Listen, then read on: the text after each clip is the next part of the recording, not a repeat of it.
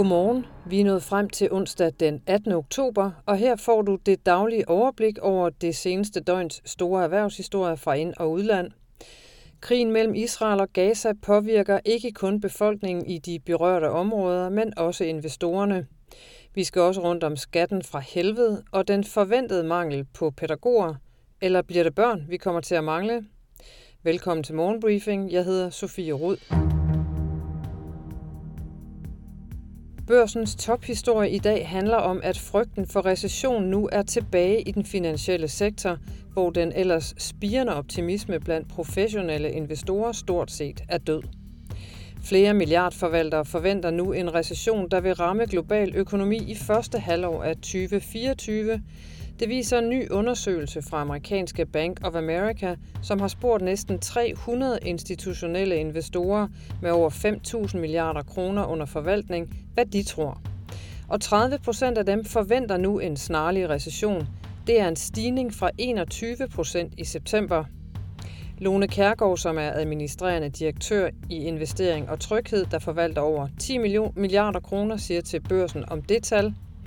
Det undrer mig ikke rigtigt, for der er kun kommet negative ting til siden sidst, med stigende oliepris og geopolitisk usikkerhed med Israel og Palæstina, siger hun til børsen. En række iværksættere har fået skattesmæk i millionklassen for penge, der aldrig har ramt deres bankkonti, skriver Berlingske. Både Moderaterne og Venstre vil have ændret på skatten, der i iværksættermiljøet går under navnet Skatten fra helvede, og de økonomiske vismænd pegede tirsdag på en mulig løsning. Men iværksætterne er selv ude om det, når de får gigantiske skatteregninger efter en børsnotering. Det mener Tænketanken Arbejderbevægelsens Erhvervsråd ifølge avisen. Sune Kaspersen, der er senioranalytiker og skattepolitisk ekspert i Tænketanken, mener nemlig, at iværksætterne selv kunne have undgået den skattepine, de er havnet i. Han siger, de har selv truffet et valg om at eje deres aktier gennem et holdingselskab og bliver derfor beskattet på den her måde, og så kan man vinde eller tabe i det spil, siger Sune Kaspersen. De er blevet kaldt regnedrenge, finansielle guruer og kassemestre, men det er ikke længere kun økonomiske nøgletal, som finansdirektørerne i danske virksomheder skal have styr på.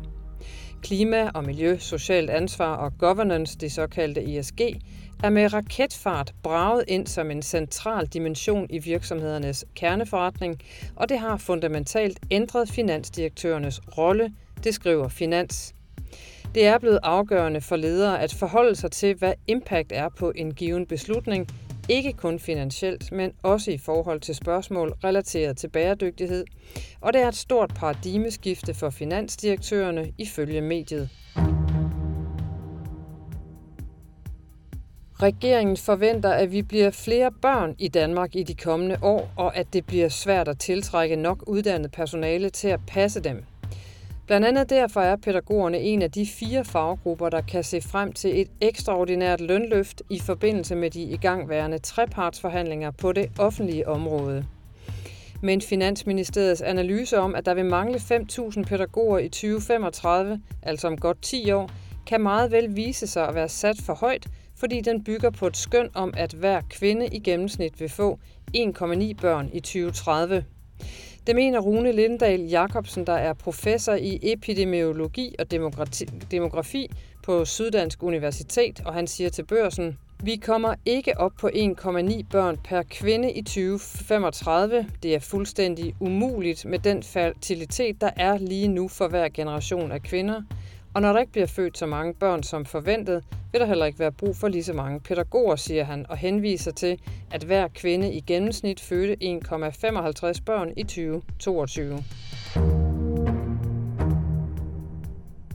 Til udlandsstoffet, hvor israeler og palæstinenser tirsdag aften gensidigt beskyldte hinanden for at stå bag det bombeangreb på Ali Arab Hospitalet i Gaza, som tidligere tirsdag kostede hundredvis af civile livet. Mennesker, som enten var indlagt eller som havde søgt ly på hospitalet for bombardementerne. Ifølge sundhedsmyndighederne i Gaza mistede flere end 500 personer livet, men tabstallene er ikke verificeret endnu. Hamas siger, at Israel stod bag angrebet, hvilket Israel afviste tirsdag aften. I stedet mener man, at bombardementet skyldes en defekt raket affyret inden fra Gaza.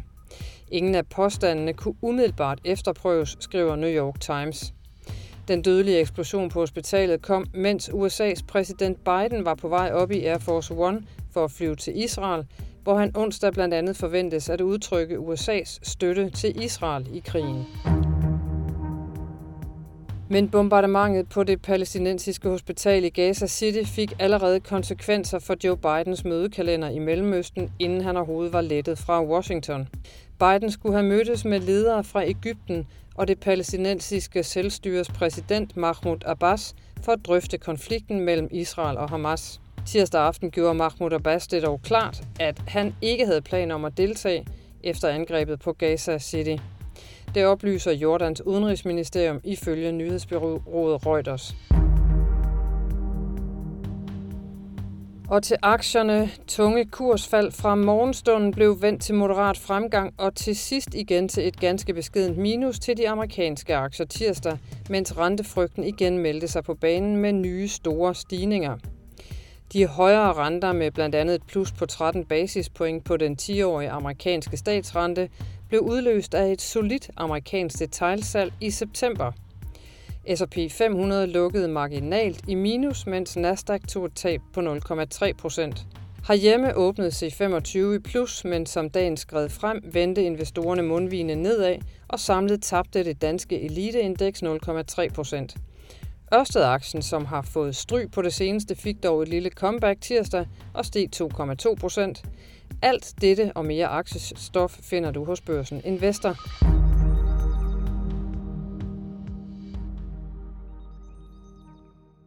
Og så til en stor diskussion i USA.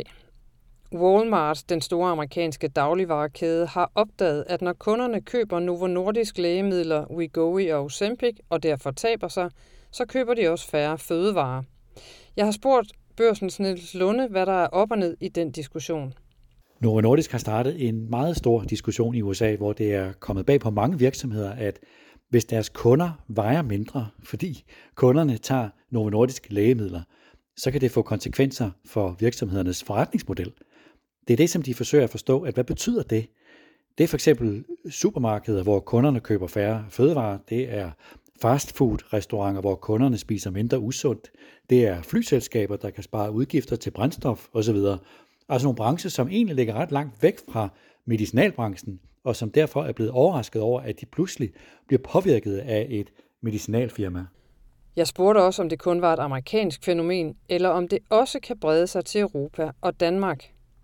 Det er i høj grad en amerikansk diskussion, fordi op imod 40 procent af amerikanerne lider af overvægt. Men det er også en diskussion, der fortæller noget om, hvor stor at Novo Nordisk egentlig er blevet, at deres produkter får konsekvenser for nogle af de største virksomheder i USA, og at de virkelig sætter dagsordenen i USA. Det er måske også et udtryk for, at vi stadig kun er i gang med at forstå, hvad er egentlig det fulde potentiale i den succes, som de har i Novo Nordisk i den her tid. Det var slut på morgenbriefing for i dag. Vi er som sædvanligt tilbage igen i morgen tidlig med et nyt nyhedsoverblik til dig. Jeg håber, du får en dejlig onsdag.